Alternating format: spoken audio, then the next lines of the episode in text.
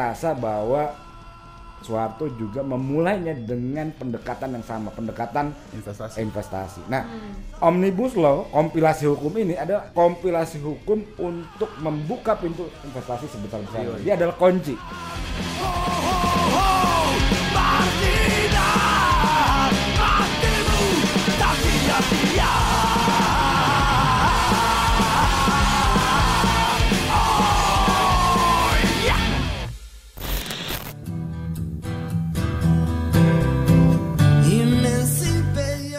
Versinya banyak. Nyambung ke soal kemarahan yang tadi Bang John bilang. Sekarang kita kurang alasan apa lagi sih buat marah? Kita seolah-olah kayak digoblok-goblokin. Polisi bilang hoax. Dasarnya nggak ada. Lo mau ngomong hoax dasarnya dari nggak ada nggak ada dasar pembandingnya aja udah udah udah udah goblok. Iya. Pertama itu. Terus DPR ngesahin. Yang disahin nggak ada. Apa yang disahin?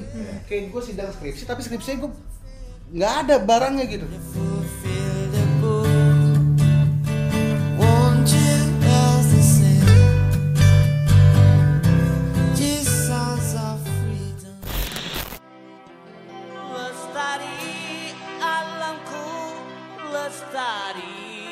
Desaku, di mana Tuhanku menitipkan aku.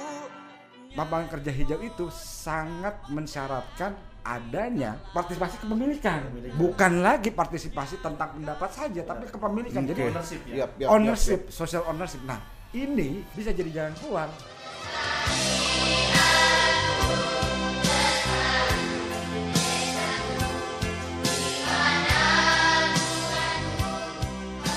Selamat pagi, selamat siang, selamat sore, dan selamat malam. Kapan pun kalian ngedengerin podcast ini Kembali lagi bersama Hamburger Podcast by HRWG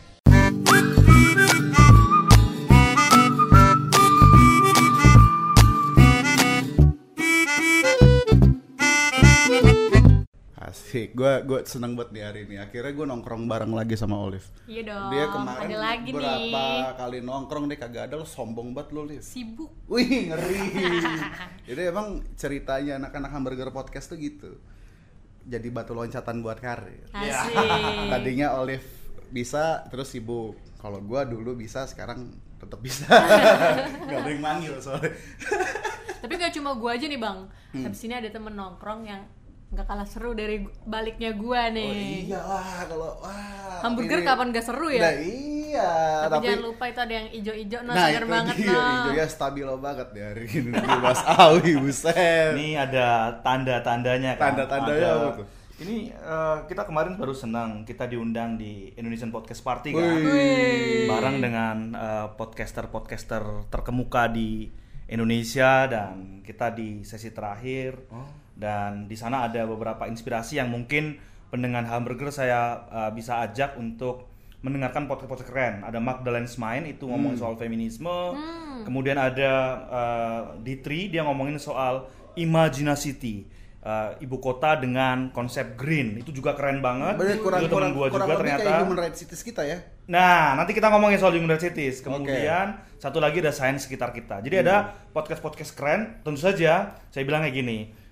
Indonesia masyarakatnya irasional, irasional ya, nggak percaya sains. Makanya dengarkanlah itu sains sekitar kita. Nah. Kemudian ada tuh eh, kita percaya banget, apalagi dengan temen nongkrong kita hari ini bahwa the future is green. Maka dengarkan itu uh, Imaginacity ya aku bilang endorse ke mereka. The future is woman. Gue percaya banget bahwa memang peran perempuan itu memang sangat menentukan. Maka dengerin Magdalene. Tapi jangan lupa makan hamburger. Jadi, Iya. jadi kalau the future kalau the future is green tuh masa depan kita adalah Islam. Tapi hijau ini nggak kayak hijau PKB kan? Stabilo. Bukan kayak. Oke, gua akan eh, apa ya menjelaskan eh, background atau mungkin mengenalkan background yang mungkin eh, temen nongkrong kita ini eh, bisa dikatakan ambigu ya bisa panjang banget Eh, mungkin satu episode cuma ngenalin doang karena begitu banyak eh, profesi maupun bidang keterlibatannya atau ya gampang aja dibilang itu. Udah ada suaranya. Nggak jelas pekerjaannya. Iya, iya, iya. John Muhammad, Wey. aktivis eh, 98 Alias? Wah, alias Bang John John. Bang John Bang John. John John. Selamat datang di Hamburger John. Halo, Bang John Temen eh, apa namanya? eh, perjuangan kita bersama. Ngeri. Gua ini nih. Ini hari ini masih masih ada nih rangkaian aksi. Oke. Masih ada rangkaian aksi terus soal omnibus law. Ini kayaknya salah satu rangkaian aksi yang cukup panjang juga. Waktu itu dia dari tanggal 6 sampai tanggal 8 udah ada rangkaian aksi dari teman-teman masyarakat sipil. Kemarin mulai dari hari Senin itu udah ada lagi rangkaian aksi sampai katanya sampai hari Jumat.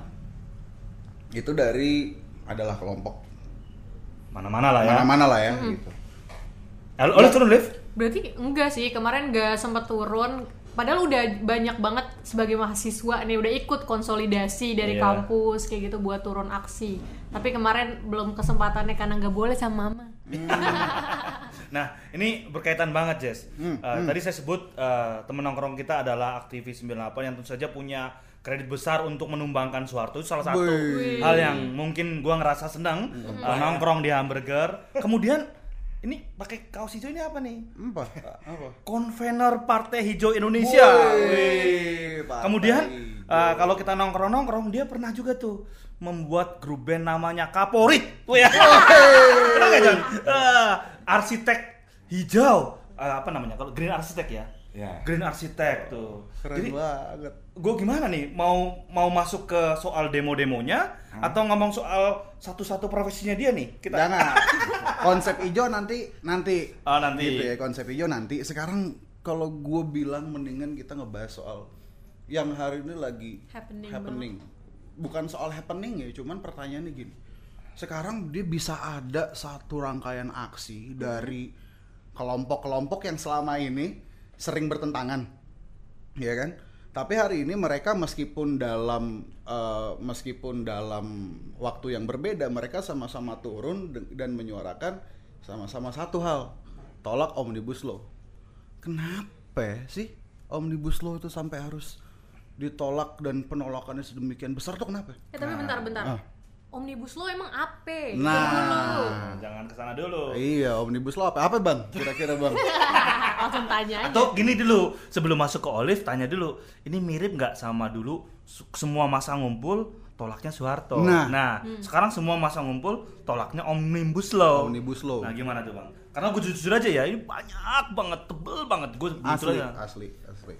ya apa ya kalau gue sih bilangnya eh, sapu jagat ya. Sapu jaga. sapu jagat. Jadi aturan dikompilasi jadi satu gitu supaya terorganisir gitu. Banyak sih undang-undang atau aturan yang dibuat hukum yang dibikin kayak gitu tuh banyak.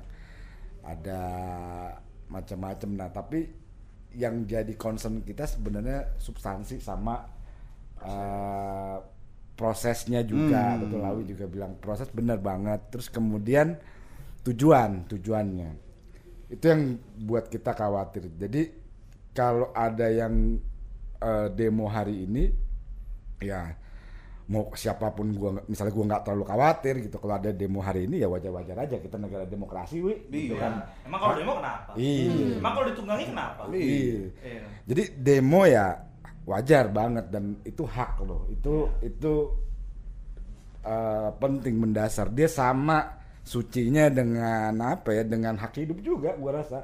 Karena Sama-sama hang. ya karena itu apa mendasar apa hak untuk eh, terlibat ya menyampaikan pendapat segala macam karena orang nggak hidup tuh kalau nggak gitu dia nggak sempurna lah jadi manusia kalau gue bilang gitu benar-benar. jadi kalau ada yang demo hari ini ya bagus menurut gua nah tapi kalau langsung kita mau bilang ini perbandingan sama 98 jelas banyak bedanya. Banyak bedanya. jelas banyak bedanya. Tapi juga ada beberapa nilai yang gua rasa kayaknya mirip. Mirip. Gua nggak bilang sama tapi mirip gitu. Gim- Misalnya, Apa tuh misalkan? pertama kemiripan pertama adalah eh, apa ya gue ngerasa bahwa jumlah yang sekarang menolak ini Hmm. itu adalah jumlah yang boleh dibilang jauh bahkan ya lebih besar dari jumlah di awal-awal 98. Woi. Awal-awal 98. Jadi kalau kita ngelihat 98 dia itu gue bilang merangkak. Kalau ini nggak merangkak lagi. Kenapa? Karena menurut gua teman-teman yang sama ini udah dilatih di waktu penolakan KPK. Menurut gua nih ya. Iya, iya, iya, iya. Jadi mereka sebenarnya udah udah punya Mm-mm. punya pengalaman ngadepin rezim yang sama. Mm-mm. Kemudian eh, membawa. Jadi ini sebenarnya justru Tahun lalu kan? Ah, tahun lalu. lalu. Jadi menurut gua ini sebenarnya jauh lebih keren. Kalau dalam dalam dalam perspektif gue bandingin ya tahun 98 jauh lebih keren. Nah, sekarang kesamaan jumlahnya ini menurut gua yang justru menurut gua jadi kok udah segede ini nggak ada sesuatu perubahan. Itu yang gue lihat bedanya.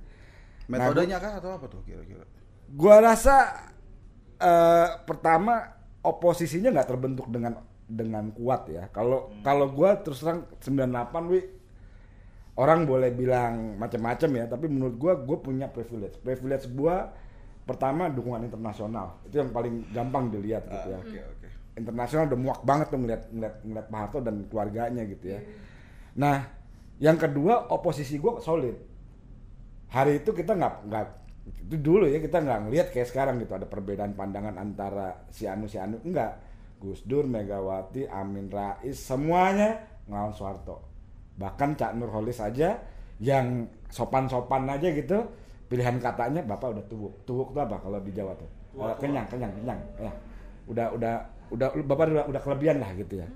Jadi udah udah pakai kalimat yang sopan tapi kasar gitu kan. Hmm. artinya menurut gua support support a- environmentnya ya itu besar banget dari masyarakat. Dan masyarakat juga udah muak gitu. Nah rezim ini punya keistimewaan. Dia itu nggak belum kelihatan sebenarnya banyak ya eh, fakta yang udah disampaikan sama teman-teman organisasi HAM, organisasi lingkungan, tapi belum terasa tuh kejahatannya kira-kira gitu. Nggak kejahatannya dibandingkan Orde Baru tuh belum terasa banget oleh banyak. Karena waktu problem waktu. Soeharto itu kan terasa bet, ngebetein-nya itu kan karena di awal masa dia masih punya satu pegangan, ada satu kubu, ada satu kelompok yang dia apa ya eman-eman. Tapi ada kelompok yang dia injak gitu kan. Ya pertama dia lawan PKI, dia bersihin PKI, kedua tahun 80 itu dia sikat Islam. Hmm, Tanjung Priuk Ya, segala macam. 90-an dia udah mulai hajar kelompok kiri, juga. Sosialis, PSI, CSIS segala macam. Jadi udah bikin muak semua orang ya pasti. Nah, hari ini sebenarnya polanya mirip Sama. tuh. Iya mirip lah. Mi- mirip ya. Walaupun memang ada banyak misalnya macam-macam perdebatannya, tapi menurut saya misalnya kelompok Islam hari ini beda tentu kelompok Islam zaman eh, Tanjung Priok dan lain sebagainya gitu. Tapi hari ini menurut saya melihatnya bahwa rezim yang sama mirip mengawalinya. Nah Soeharto juga, gua ngerasa bahwa Soeharto juga memulainya dengan pendekatan yang sama, pendekatan Investasi. investasi. Nah, omnibus law, kompilasi hukum ini adalah kompilasi hukum untuk membuka pintu investasi sebesar-besarnya. Yoi. Dia adalah kunci. Dia kuncinya. Nah, orang khawatir bukan hanya karena substansi investasi, bukan kita anti investasinya, ya, anti pembangunan, anti kemajuan, ya kagak gitu juga gitu. Tapi kita ngerasa bahwa obat yang sama dilakukan oleh Soeharto itu udah terbukti nggak mempan. Iya. Nggak mempannya u- eh, konteksnya apa sih? Nggak mempannya diujinya dari mana sih? Nih, krisis 98 yang pulih banyak cepet. Yang nggak pulih menurut gua ba- lebih banyak ya, ya kayak kita ini gitu ya. Iya. Singapura hancur tuh 98. Hong Kong hancur semua karena itu Asia kan. Hampir semua tuh 98 tuh. Tapi sanggup pulih Korea Selatan cepat sekali bangkitnya. Kita nggak pulih-pulih. Sampai sekarang kemudian pengen landing, pengen sorry, pengen terbang ya, pengen take off gitu kan. Dengan cara obat yang sama. Menurut gua orang juga ya kita nggak usah pakai bahasa yang ribet tentang trickle down effect lah, apalah. Gue juga nggak ngerti itu. Iya banyak teman-teman yang ah, benarkah itu? gitu ya atau itu tapi itu penting menurut saya itu dasarnya. Tapi kita pakai bahasa yang sederhana aja obat dan resepnya sama dengan orde baru investasi seluas-luasnya Freeport datang semuanya datang gitu ya. Cina, apa Jepang datang gitu ya. Tahun 74 itu penolakan investasi besar-besaran malah di- dibungkam gitu ya. Dan eh, rezim ini sadar investasi yang eh, semakin banyak ditambah dengan stabilitas eh, Ekonomi, politik. eh, politik ya stabilitas keamanan. Terus kemudian eh, yang udah dipasti diberangusnya hak hak politik. Nah ini udah kerasa banget gitu. Suka nggak suka emang kita nggak diculik belum nih kita belum ada yang diculik hilang gitu ya terus Mas. petrus petrusan gitu ya Terus belum lah, tapi kalau perkara diculik-culikin kemarin itu oh iya ada yang udah hilang ya banyak Iya, yang iya. diculik yang hilang tiba-tiba besok pagi udah di Polda udah bonyok. Iya, artinya maksud gue, gue pengen gambarin maksudnya dia nggak se sebrutal uh, ini, tapi tetap pegel. Pegel. Bahasanya tuh mungkin bahasa anak sekarang tuh pegel gitu. Jadi artinya gitu, ngerepotin aja gitu. Memang. Jem- dijemput tiga tiga hari empat hari nggak balik bonyok. Itu menurut gua ya itu juga su- sebuah sebuah praktek pelanggaran ham ya. Tapi kalau dibandingkan dengan kejahatan orde baru udah lewat tuh gitu ya. Orang-orang kayak gitu tuh udah lewat. Orang-orang kemarin demo tuh udah udah udah selesai aja gitu kan. Iya. nah hari ini gua ngerasa ya pemerintah mau bikin pegel kita untuk kemudian demi terjaminnya stabilitas. Jadi gua pertama gue bilang omnibus law ini kompilasi hukum yang jelek gitu ya, kompilasi hukum yang buruk. Ya, lu tadi juga kan oh, di awal kita juga ngobrol kan prosesnya juga nggak bener banget gitu ya, bener. ngaco abis gitu. Maksud abis. nggak kalau misalnya ada orang bilang ini sebagai sebuah cara rezim untuk kemudian mendesain eh, apa eh, serangan dengan membuat banyak peluru gitu ya, membuat banyak jenis undang-undang, revisi-revisi ini kan gaya-gaya untuk membela Jokowinya gitu ya. Tapi gue bilang enggak ah ini ini lebih ke goblok gitu ya. Oh iya. Lebih ke lebih ke tidak profesionalan gitu. Menurut gue yang cerdas dan sangat eh, apa eh, mungkin ada setengah intelijen gitu kalau dari filmnya tuh film detektif gitu film thriller itu menurut gue pasal tembakau itu baru tuh menurut gua tuh apa cerdik banget gitu. Prosesnya tuh dikawalnya tuh dengan sangat sangat canggih gitu. Tahu-tahu teng aja muncul gitu. Lolos gitu. Kalau ini udah diketok kemudian direvisi gua nggak tahu. Gua nggak ngerti hukum juga wi. Tapi menurut gua kalaupun itu dibolehin nggak keren lah. Mbak keren. nggak keren banget. Mau alasannya itu eh, font gitu ya ukuran apa segala macam menurut gua nggak Gua- nggak apa Gua skripsi aja revisi sekali doang masa dia apa undang-undang revisinya lima kali lebih goblok daripada gua. Berarti kan gitu ya. harusnya Tapi- ngulang ya Eh? harusnya ngulang Harusnya tuh. ngulang itu. tahun ajaran baru Iya. ya nggak Terus terus ada satu hal yang menarik. Jadi dulu awal-awal dulu narasi omnibus law ini mulai muncul. Ah. Gue pernah ngobrol sama orang hukum, anak LBH. ah. LBH Jakarta. Terus dia bilang begini, omnibus law itu secara hukum di Indonesia itu nggak masuk. Karena omnibus law itu diadopsi sama negara-negara yang menganut paham hukum Anglo-Saxon, Amerika, Inggris. Oh, gitu ya, gitu ya, Ah, iya. Di sini dia nggak akan masuk. Kenapa sekarang akhirnya dipaksain? Itu tanda tanya besar. Berarti kalau tadi disambungin sama kata Mas John John, ada kepentingan untuk membela investasi gitu ya. Hmm. Ya, Berarti emang dipaksain banget dibuat bela investasi. Hmm. Ya, dengan artinya lagi-lagi ya resepnya sama, obatnya sama, udah ketahuan nggak mampu ya berarti emang goblok aja gitu. Kenapa Ya. liatin gue? ya itu itu itu menurut gue eh, menambah ya menambah eh, serampangan Iya, oke. keserampangan bahasanya itu serampangan ya ugal-ugalan lah gitu ya menambah keserampangan praktek bernegara state yang menurut gua nggak nggak nggak nggak keren nggak keren aja. Bahasa sederhananya nggak keren nggak nggak nggak layak gitu. Mengelola negara dengan cara demikian proses dialektika terhadap publiknya nggak ada. Hearing itu nyaris nggak ada gitu kan. Dialognya sama sekelompok orang yang punya kepentingan. Iya. biasanya pengalaman kita setiap undang-undang seluruh pihak diundang gitu. Ini kan enggak juga gitu. Gua nggak tahu nah sebegitu maksanya sebegitu semangatnya untuk membela investasi yang begitu besar seolah-olah kagak ada cara lain untuk memenyejahterakan kita gitu kan. Itu itu yang menurut gua kayaknya harus ditawarkan pada publik bahwa ini kan narasi bahwa ini satu-satunya obat gitu. Enak aja gua bilang lu peyang kan Iya, sekarang gini, ini omnibus law, cipta dulu namanya cilaka. nih. Cilaka. Cilaka, ya gua suka tuh Kerja. namanya. Gua demen banget tuh nama cilaka. Cilaka. Tapi kemudian akhirnya kan diganti namanya jadi cipta kerja. Sekarang s- pertanyaan simpel, paling goblok yang bisa keluar dari orang deh gini. Lo kalau ngomongin pekerjaan, aspeknya apa aja? Berarti ada aspek pemberi kerja, Hmm, benar sama ada aspek pekerja. Aspek pekerjanya nggak dilibatin. Lo sama kayak kayak bikin nasi goreng nggak pakai nasi. Itu kan udah goblok. Ya gue sepakat tuh, Iya gue kan? sepakat, sepakat. Itu banget. fatal tuh, fatal. Lu Fatal. lu bahas bahas misalnya bahas undang-undang perempuan tapi nggak ada satu perempuan. Nah. Nah, kan konyol kata gue. kalau kalau menurut gue sekarang gue gampang aja orang-orang kan sering banget nanya, ngomong begini.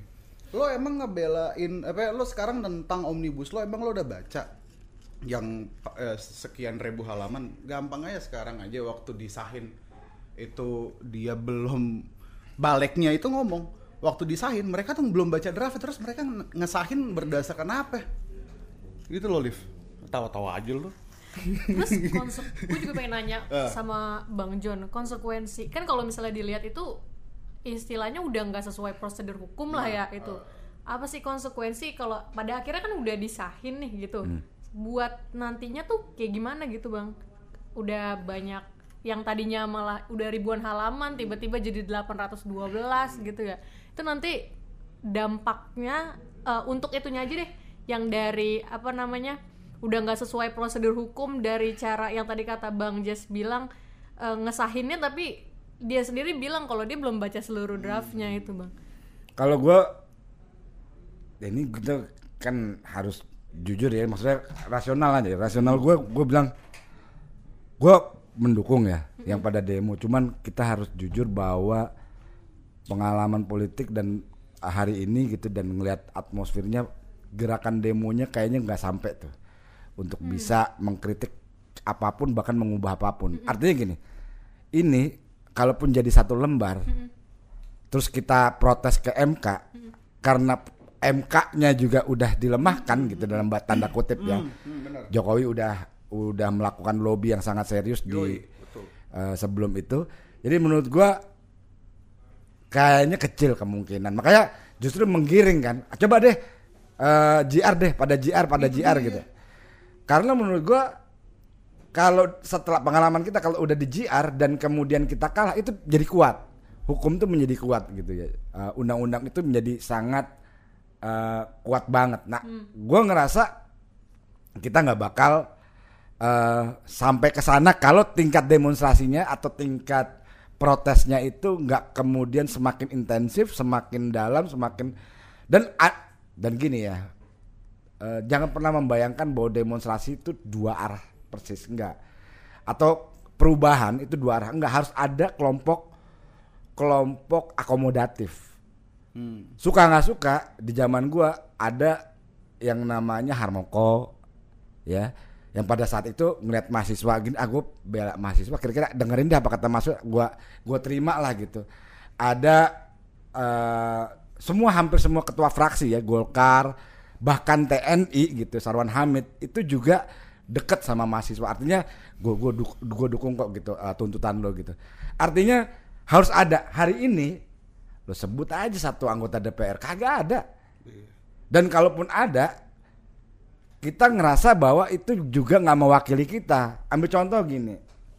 Gue nggak mau sebut lambangnya ya logonya ya karena kan nggak enak juga. Tapi maksud gue kalau ada yang menolak ya kekuatan politik yang menolak hari ini omnibus law menurut gue nggak nggak pas aja gitu. Nggak pasnya gini lebih tepatnya nggak konsisten. Lu pada proses KPK ke mana itu 100% lo bulat lo Iya. nggak ada lonjong-lonjongnya nggak ada miring-miringnya Hmm, gitu hari ini cuman karena lu udah tahu pasti 100% dan melihat celah itu kemudian ingin ingin ingin menjadi eh, dissenting dissenting apa namanya eh, kelompok yang melakukan dissenting gitu. Nah, ini ini apa ya penolakan, dissenting Iya, iya, penolakan. Nah, ini menurut gua keberatan. Nah, menurut gua Aku tahu kok Enggak, menurut gua enggak, enggak itu itu sandiwara lah. Gua gua, Ah, gua, oke.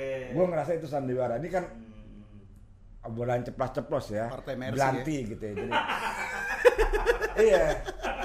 Ada teman kita juga di sana. Tapi intinya gini, kalau gua ngerasa kalau kita nggak nggak ngelakuin demonstrasinya secara berat, live apa secara lebih maksimal gitu ya atau variasinya atau tekanannya terus ada lobby ada kelompok pemerintah yang Metodenya. kemudian berpihak pada kita kayaknya enggak deh enggak enggak enggak ke mana-mana tuh Tapi emang sulit kita ngarepin ada kelompok dari pihak pemerintah atau DPR yang, ber- yang berpihak sama kita sih. Sulit kayaknya membayangkan itu hari ini. Eh, enggak ma- politik tuh makhluk makhluk oportunis Oke. jadi maksudnya gue bisa yakin bahwa kelompok-kelompok yang sama itu kalau tekanannya tinggi satu dua tiga itu pasti akan bisa mendengarkan. Jadi memang sekarang pesan gue sih lebih ini demonstrasi jangan berhenti. Kalaupun kesulitan untuk mengumpulkan massa stamina nya habis lakukan dengan cara yang lebih kreatif lagi. Kalau enggak soalnya eh gini ya, gua gua agak agak imajinatif tapi gini kira-kira lu bayangin aja kerusakan yang dilakukan orde baru dengan metode yang sama terus kemudian metode itu digunakan pada kita itu tidak membuat kita pulih di zaman orde baru. Kita berusaha dengan obat yang sama. Dan kerusakannya sampai sekarang itu masih berasa banget gitu Iya. ya. Berasa banget apa? Simpelnya kita ketinggalan dengan negara-negara ASEAN gitu. Kita benar-benar melak jarak antara miskin sama kaya nggak nggak jauh-jauh nggak makin dekat gitu ya. Makin Makin jauh. makin jauh juga gitu. Kadang dekat kadang jauh. Tapi masih dalam ukuran yang dianggap tidak normal atau jauh. Jadi menurut gua kalau logikanya demikian terus kemudian berubah deh taruhlah.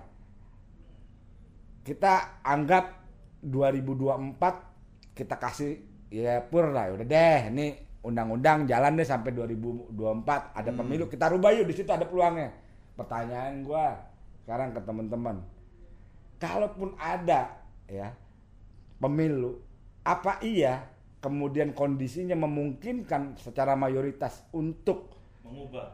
mencabut undang-undang ini mencabut. ini berat loh prosesnya. Nah itu yang menurut gua harus dianggap. Jadi ini bisa jadi lama. Prosesnya nggak nggak cuman hari ini terus kita nggak ini lama nih. Nggak bisa dirubah kondisinya dengan sangat lama. Nah cara terbaik adalah memang mau nggak mau membangun kekuatan politik sendiri atau ya membuat tekanan politik yang mengubah Oke. apa ya eh, kondisi eh, ekologi politik hari ini. Kira-kira gitu. Iya, Ya, kita kan Yes, eh, Ali, mudah-mudahan ya Menjawab membangun kekuatan politik sendiri ini kan uh, cukup uh, mudah dikatakan tapi sangat susah untuk diimplementasikan. Kita Yoi. kita Kita punya pengalaman Kita punya pengalaman. Nih, ini jangan saling buka-bukaan, tapi yang jelas memang uh, ini juga satu hal yang ingin saya perkenalkan juga ke Bang John John. Dia adalah mungkin orang pertama di Indonesia yang membawa apa agenda politik hijau masuk ke politik formal di Indonesia meskipun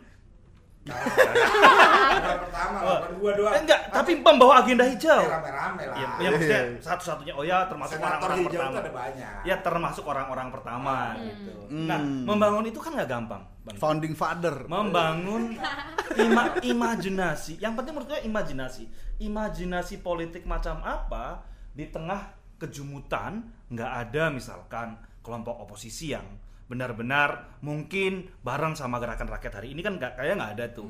Kemudian juga mungkin masyarakat juga makin lama makin eh, saya nggak tahu nih apakah makin eh, eh, apa eh, eh, benar-benar dengan kejadian omnibus makin bersatu makin bar bisa bareng-bareng atau cenderung masyarakat makin ya menjauh lah. Toh kayaknya ya hidup ya kayak gini kayak gini aja dan ya diterima-terima aja. Jangan-jangan memang ya bisa jadi kita kalau memang nggak bisa menciptakan imajinasi yang yang bisa diterima bisa di- bisa dibayangkan gitu ya ya masyarakat ya ini rasa ini or. Memang tadi pada misu-misu or or ini gitu lah ini gitulah. Tapi kan ini rezimnya orang baik. Iya sama-sama orba yang satu orde baru yang satu or- orang, orang baik. baik. Nah Ah, gimana? beda, nggak- imajinasi politik Iya. alternatif macam apa?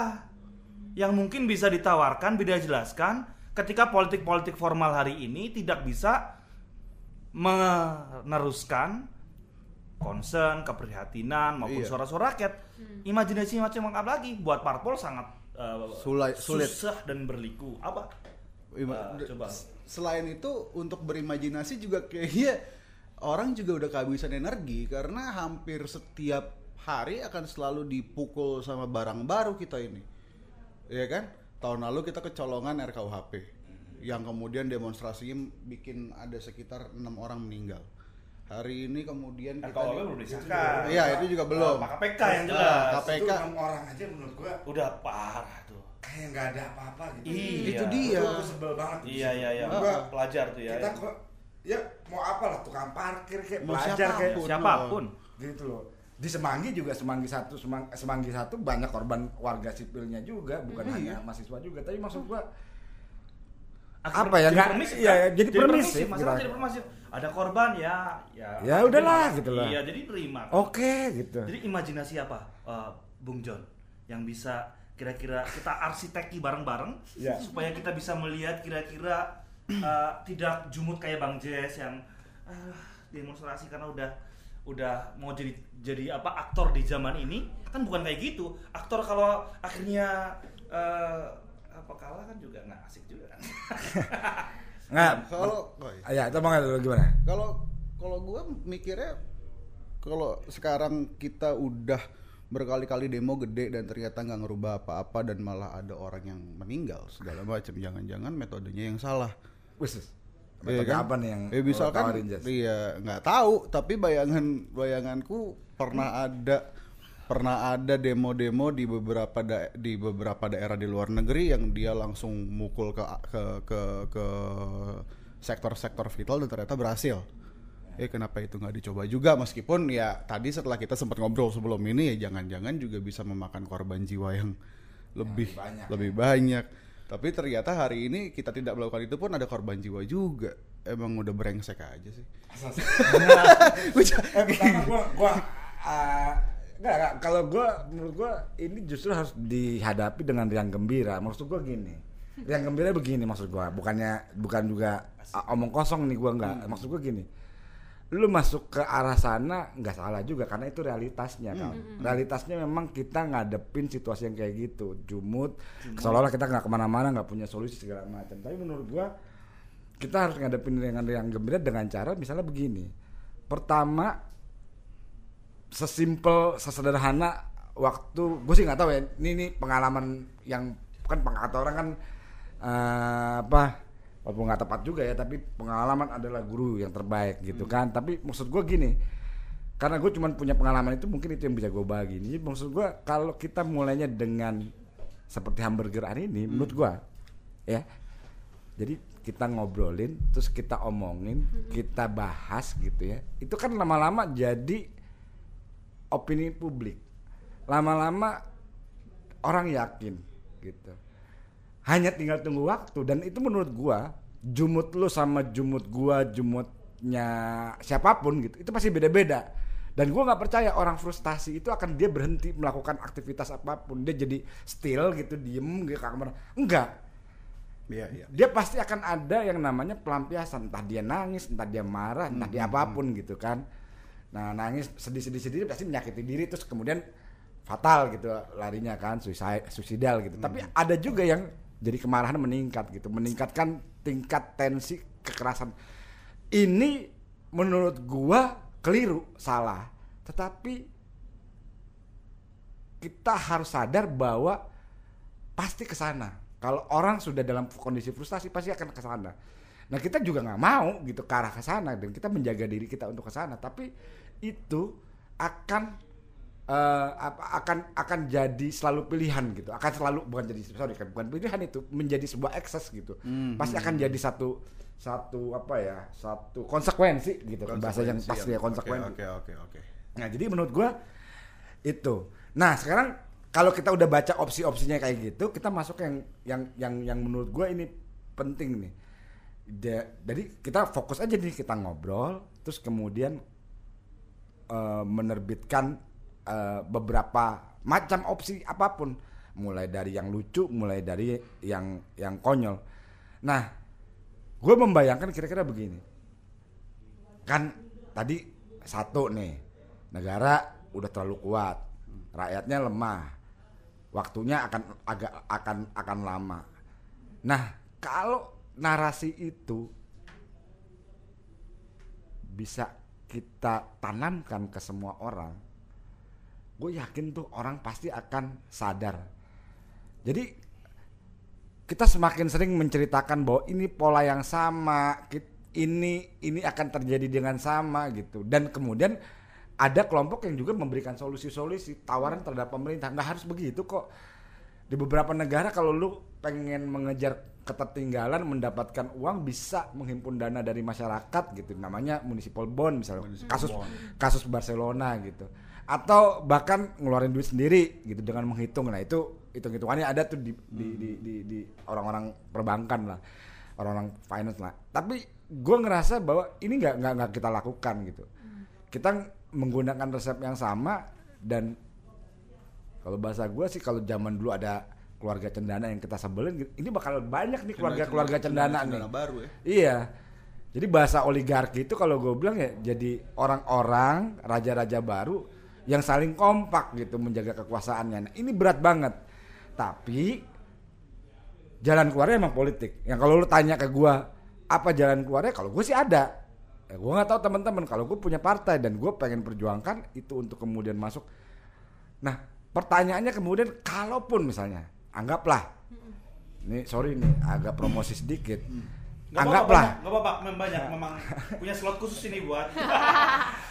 taruhlah partai hijau Indonesia kemudian lolos terus kemudian masuk. Masuk. Apa iya punya kemungkinan? Enggak. Emang enggak. Iya.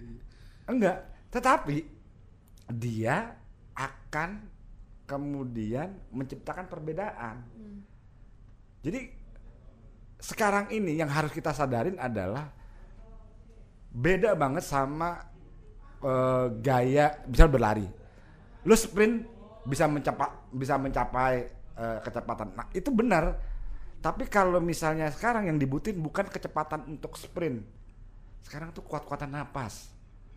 Kalau bahasanya eh, Maraton ya. Iya, jadi maksud gua kita harus siap mentalnya maraton. Jadi jangan dihabisin tuh energi besok turun ke jalan, besok turun ke jalan. Aduh, gua bilang kalau itu lo frustasi, pasti bawanya ke kekerasan. Kalau menurut gua itu akan akan ke sana gitu. Tapi kalau lu hari ini turun, besok ganti. Hari ini turun, besok ganti. Ini pengalaman menurut gua dari dari banyak demonstrasi harus dan berubah. Kadang piketing dan demonstrasi itu kan sebenarnya ada banyak pilihan ya maksud gua upaya untuk mengekspresikan pendapat mengajukan ketidaksukaan terhadap apa yang dilakukan pemerintah itu ada banyak pilihan nah kita tuh jarang tuh petisi nggak pernah kita pakai gitu haknya gitu kemudian hak untuk kemudian piketing piketing terus kemudian memblokade sabotase segala macam Itu. pilihan-pilihan Yang itu banyak gitu itu, dan itu damai loh sabotase. itu damai itu dalam prinsip-prinsip uh, Demokrasi. demokrasi demonstrasi itu itu itu damai selama prosesnya dan negara wajib menjaganya untuk tetap damai gitu nah kita bayanginnya demo ya kan boring gue juga bawa mau bawa misalnya keluarga untuk ikut demonstrasi dengan cara begitu kan juga nggak menarik gitu. tapi bisa juga pawai alegoris alegoris itu apa pawai pawai pawai uh, sindiran jadi kita bisa bikin karnaval, karnavalnya kemudian nyindir gitu. Nah macam-macam. Nah ini nggak muncul gitu. Dan gue juga kadang-kadang terus terang ya kita kita belum belum merebut hati kelompok masyarakat yang lain. Ambil contoh, kita belum ada eh, kelompok eh, seniman ya kelompok eh, seni yang kemudian bergabung dengan gerakan ini. Belum ada eh, ada banyak sebenarnya pihak-pihak ya yang harus di- dihadirkan gitu. Suka nggak suka gue generasinya Iwan Fals. Jadi apa gue kita semua ya tetap eh, 90-an tuh pasti dipompa dengan kritik-kritik bahasa-bahasa Iwan Fals yang yang begitulah. Dengerinnya itu terus kemudian protes terhadap tapi dia orang bilang ya cuman lagu. Enggak dia nanemin sebenarnya nanemin satu kesadaran gue bilang gitu. Gue ini satu kesadaran di bawah sadar gitu ya. Satu kesadaran di bawah sadar yang kemudian tanpa nggak langsung gue protes gitu. Akhirnya gue protes gue berontak dengan dengan apa yang dinikmati oleh bapak dan orang tua gue gitu karena orang tua gue bapak gue kan menikmatin eh, apa orde baru itu nah hari ini kita harus bisa siap maraton tapi bukan berarti juga kita nggak ngakuin apa-apa terus kemudian slow enggak tapi kita siapin dan kita sadar banget variatif ya Iya, kita metode-metode sadar banget variatif. membangun kekuatan politik kalau nggak dari sekarang Iya. nggak nggak jadi-jadi. Jadi emang harus dikerjain, harus di- diturutin. Nggak penting kapan jadinya sebenarnya menurut gua ya. Tapi dulu. tapi lu mulai, lu mulai lu kerjain, lu mulai lu kerjain, lu gagal lagi lu mulai lu kerjain. Karena kalau nggak gitu kita nggak ada. gua gua se- sejak rame omnibus law ya karena gua sama bang John juga dulu pernah dan sekarang pasti masih lah meyakini bahwa memang the future is green jadi masa depan adalah hijau gitu ya kayaknya kalau sudah ketahuan uh, draft utuhnya gitu. Kita bisa baca bareng-bareng kita lihat bareng-bareng meskipun kita juga nggak tahu sebenarnya draft yang mana yang yang paling final gitu ya. Kita buat complete opposite dari draft itu misalkan. Kan selama ini ketakutannya adalah investasinya investasi yang rusak investasi kotor investasi yang digerakkan sama oligarki. Kalau kita ubah misalkan investasi yang menjamin sustainability dengan partisipasi dan sebagainya jadi kita pakai itu kerangka strukturnya sebagainya tapi kita balik semuanya gimana bang John jadi menggunakan tapi akhirnya masyarakat punya imajinasi. Oh, karena kan sekarang mereka bersatu di undang-undang omnibus law nih. Nah, sehingga struktur uh, apa namanya uh, pe- pembahasannya seperti itu. Nah, kita completely balik apa namanya? completely opposite of omnibus law. Gimana tuh? Jadi dibalik. Jadi jadi menjadi membuat narasi tanding yang benar-benar ini yang menguntungkan oligarki katakanlah, menguntungkan rezim yang sudah nggak bener katakanlah gitu ya. Coba kita uh, pakai uh, ini uh, green investment, green job dan sebagainya. Menurut Bang John gimana? Ya, pertama kalau yang dia eh, kita baca ini kan bukan baca ya, bahkan keterangan-keterangan yang disampaikan oleh pemerintah gitu. Jadi gue lebih suka untuk nggak ngebahas omnibus yang kita nggak tahu pegangannya apaan Apa gitu, ya, berubah-berubah gitu kan. Jadi menurut gue keterangan-keterangan pemerintah kalau kita dasarkan pada itu, menurut gue eh, memang ada kemudahan, kemudahan. Jadi eh, Ada sisi baiknya juga gitu ya. bukan bukan eh, Bukan sisi baik. gue nggak masih netral nih Ya, belum ya, belum ya. gue nilai belum kita kasih nilai dulu Ya, ya, itu baik atau buruk tapi maksud memang ada upaya untuk memudahkan proses investasi Perizinan, ya. usaha segala macam bahkan yang nah ini baru bisa gue bilang kabar baik kabar baiknya harus diperiksa benar-benar apakah benar gitu ya tentang pembentukan koperasi yang sangat sulit. Koperasi ini kan udah lama dimandulin kan sejak sejak lama sekali. Jadi koperasi itu dimandulin. Padahal itu inti Bung Hatta maunya pendiri Pak pendiri bangsa ini kita maunya berbasis koperasi bukan korporasi ber- ber- berbasis koperasi. Nah prinsip-prinsip ini menurut gua gue setuju sama Awi itu harus bisa jadi pegangan. Jangan sampai kira-kira di situ nggak sama sekali peluang. Kan kalau yang yang Islam ada tuh ayatnya tuh apa namanya bersama kemudahan eh bersama kesulitan tuh datang eh, kemudahan fa innamal usri usra innamal usri usra Baik. Nah, jadi kalimat itu sebenarnya menjelaskan bahwa eh, bukan habis gelap terbit terang kagak. Kalau itu kan ada jeda tuh. Kalau ini bersama kesulitan Pasti ada kemudian. ada kemudian jadi datangnya tuh bareng cuman mata kita sanggup nggak ngelihat? Kita punya kemampuan nggak melihat peluang yang dibilang Awi tadi? Nah gue ngerasa kalau itu pakai pendekatannya kita mencari peluang di tengah kesulitan, tadi maka menurut gue bisa jadi teman-teman yang pengen bergerak secara politik menggunakan koperasi. Imajinasinya iya imajinasinya adalah imajinasi syarikat dagang. Ingat loh, ketika po- politik diberangus oleh kolonial, satu-satunya gerakan politik yang bisa luas untuk kemudian menyadarkan semangat nation kita, semangat berbangsa kita, itu adalah syarikat dagang.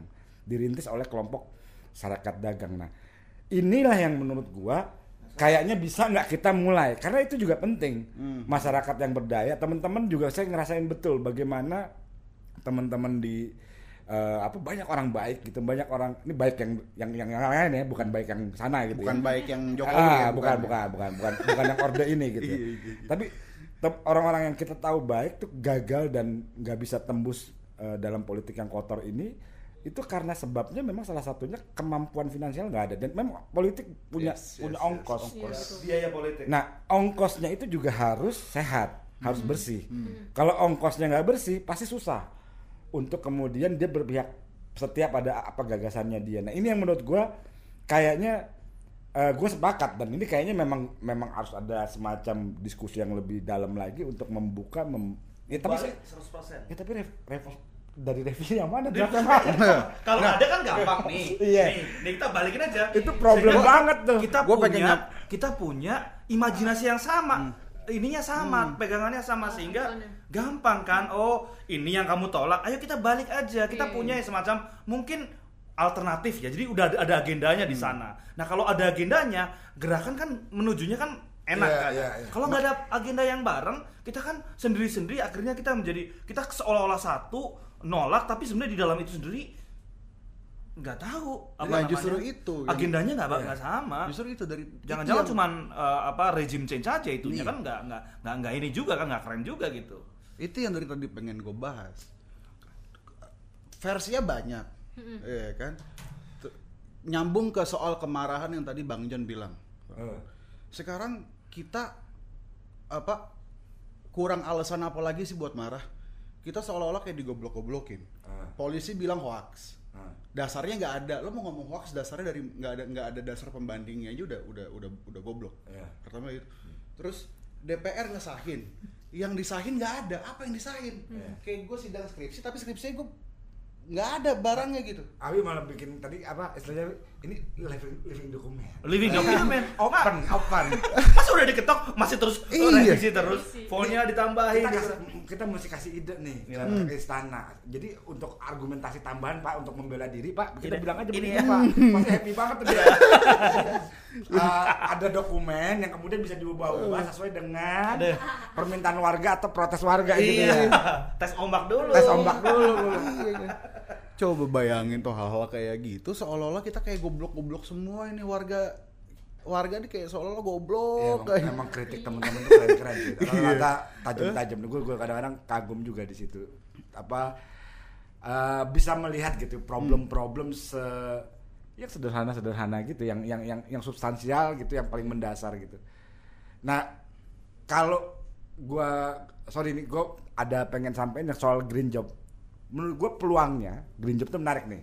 Supaya teman-teman tahu green job itu adalah lapangan kerja hijau. Lapangan kerja hijau itu adalah satu konsep di mana menjawab problem ya, problem kepemilikan, problem kepemilikan usaha, problem keadilan dalam bekerja dan sebagainya.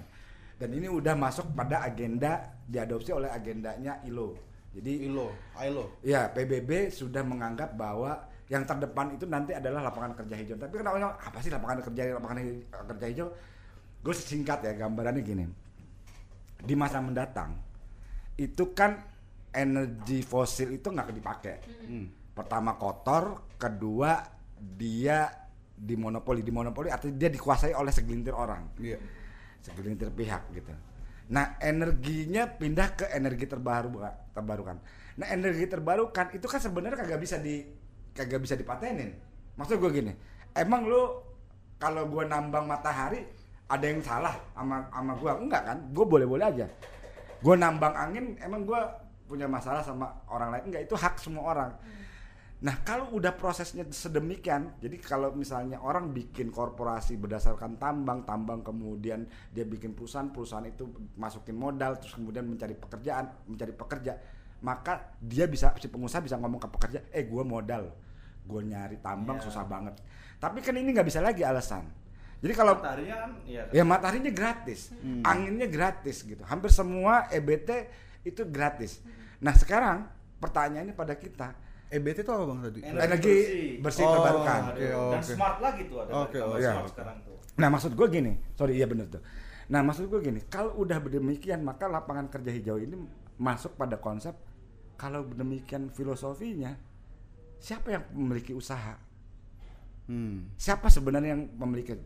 Nah di sini kita bisa masuk. Maksud gue gini, si lapangan kerja hijau itu kan mensyaratkan begitu transfer dari tambang energi terbarukan tadi terus kemudian jadi satu usaha usaha itu kan nggak ada yang bisa ngeklaim nah di sinilah yang disebut dengan social ownership mau nggak mau itu harus dimiliki oleh publik minimal saham terbesar orang yang bekerja di dalamnya siapa pun dari tingkat atas sampai satpamnya sampai yang paling ter Koperasi banget sebenarnya. jadi Koperasi memang banget. lapangan kerja hijau Mutual itu aid. iya lapangan kerja hijau itu sangat mensyaratkan adanya partisipasi.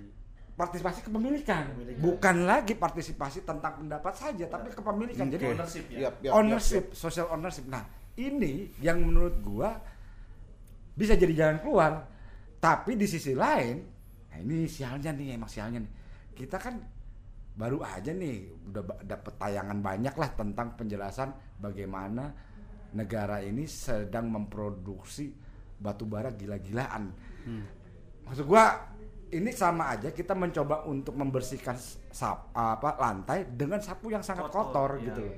Jadi kita mau beralih tapi nggak sama sekali mengubah kebijakan-kebijakan. Nah, tapi lagi tadi kalau Awi kan semangatnya semangat mencari solusi dan gue suka juga tuh kalau yang bagian-bagian gitu yang kadang-kadang imajinasinya kita perlu banget nih di saat-saat kita kritis sekarang ini.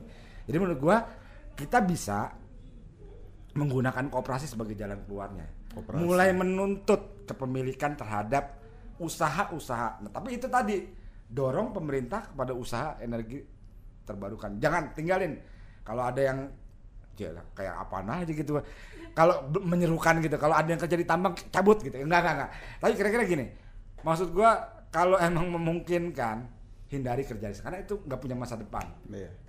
lu bakal kalaupun lu belajar misalnya dua 20 tahun kerja di segala macam menurut gua bukan nggak nggak nggak bagus teknologi pasti ada ada ada ada manfaatnya tapi sebagai sebuah bisnis dia bisnis yang sunset Iya. Sunset. Sama seperti bisnis rokok itu sunset tuh turun tuh semuanya tuh. Itu nggak bakal lagi nggak tren nggak nggak keren lagi nggak nggak nggak nggak oke lah kira-kira begitu. Nah maksud gua kita masuk ke dunia itu dan teman-teman masuk. Buruh tuh kan kalau rata-rata kalau bisa didorong memiliki kooperasi kooperasi kooperasi dan ini harus jadi peluang. Jadi gunakan apa Momentum. senjatanya pemerintah sebagai senjata kita untuk melawan Nah, itu. negara yang Nah, lain itu. tadi Nah, itu tuh. tapi Gimana? ingat jangan jangan tinggalkan kegiatan politiknya Iya. Iya, iya, kalau iya, lu iya. nggak melakukan konsolidasi politik nggak nggak berubah Iya. ya nggak Iya, iya, iya. kan kita sadar nih yang bisa ngerubah yang bisa bikin undang-undang dari kemarin undang-undang minerba lolos terus apa tuh yang pada protes juga perempuan apa kemarin ada Hmm. ya, ya eh, PKS. PKS Nggak nggak lolos lolos. Nggak lolos itu Kemudian malah. PRT. PRT ya kan? pokoknya sembarangan banget lah nah kalau lu pengen itu nggak pengen cantik dan keren ya lu harus punya kekuatan politik sendiri Iya. gue punya partai hijau lu bikin partai yang lain kalau Partai buruh? partai buruh gitu Ah. partai mahasiswa partai student misalnya Partai anak- pirates. pirates misalnya apa Partai aja party, gitu ya iya, iya, iya. Anyway, jadi gini, eh, kalau aku boleh eh, apa namanya eh, ngikutin ya dari tadi ya. Nggak boleh. Me- me- Cek, boleh lah per apa? Kali kagak boleh. Sangat keren yang ngobrol kita kita doang keren banget ininya nih apa namanya eh, pembahasannya dari A sampai Z-nya ya. Tapi gua ngeliat gini, kalau dikatakan undang-undang cipta lapangan kerja yang mau dibuatin lapangan kerja nolak tuh. Jangan-jangan kan ini undang-undang tadi di dalam bahasan kita tuh undang-undang jangan-jangan namanya undang-undang investasi jangan-jangan. Iya. Nah kemudian sekarang sebagai arsitek, Bang John sudah memberikan semacam ya desainnya lah ya, desain ke depan itu yang lagi eh, apa namanya eh, menuju masa depan yang gilang gemilang gitu ya, eh, menuju puncak gitu ya. Anak Itu yang hip. green, Yang apa? hip, hip. yang hip, yang hip itu yang green, green job. Jadi daripada omnibus law, jangan-jangan mending green job law itu penting banget jangan-jangan. Atau ya green job law atau mungkin ya apa pun green investment law mungkin iya. itu jadi kita kita balik logika menggunakan investment yang merusak yang menguntungkan oligarki coba kita buka di situ kita hajar pakai eh, apa yang desainnya bang John tadi buat yaitu green Imajinasi imajinasi itu bisa terwujud kalau ada kerja-kerja politik satu lagi Hmm? bikin green job law, bikin green investment law itu bisa terwujud kalau memang pemerintahnya mau membangun bisnis yang peduli sama lingkungan. Memang enggak, gue pikir sih imajinasi apa maksudnya kayak kita Ya, ngomongin kita udah gak bisa nuntut. Iya. Iya. Kita tinggal sekarang Bikin ngerebut. diri aja. Iya, ngerebut sekarang. Udah cuekin aja pemerintah mau ke mana, kita ke mana. Gitu aja. iya itu itu nice tuh kalau kayak maksud gitu gua, kan ada orang bilang kan pembangkangan sipil. Apa agendanya terus? Enggak pembangkangan sipil tuh imajinasinya adalah datang datang ke demonstrasi. Oh, kok bingung? Kok demo de- lu demonstrasi menuntut berarti udah nggak bangkang lagi minta-minta dong gua bilang.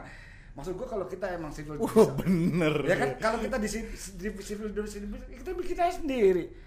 Makanya menurut gua ini peluang bagi orang-orang baik yang sekarang sedang ya ada di pucuk-pucuk pemimpinan di tingkat apa pun. Misalnya dia wali kota bupati ya. Ya sesuatu yang dipilih secara politik tentunya gitu gubernur gitu. Ini saatnya kalau lu mau kemudian membuat perubahan menjadi bagian dari kita ya. Kita geng-geng kita gitu ya. Lawan tuh. Walaupun yang gua dengar apa omnibus law juga ngantem perda-perda gitu kan. Akan menghantam perda-perda. Justru tujuannya adalah menghantam perda-perda.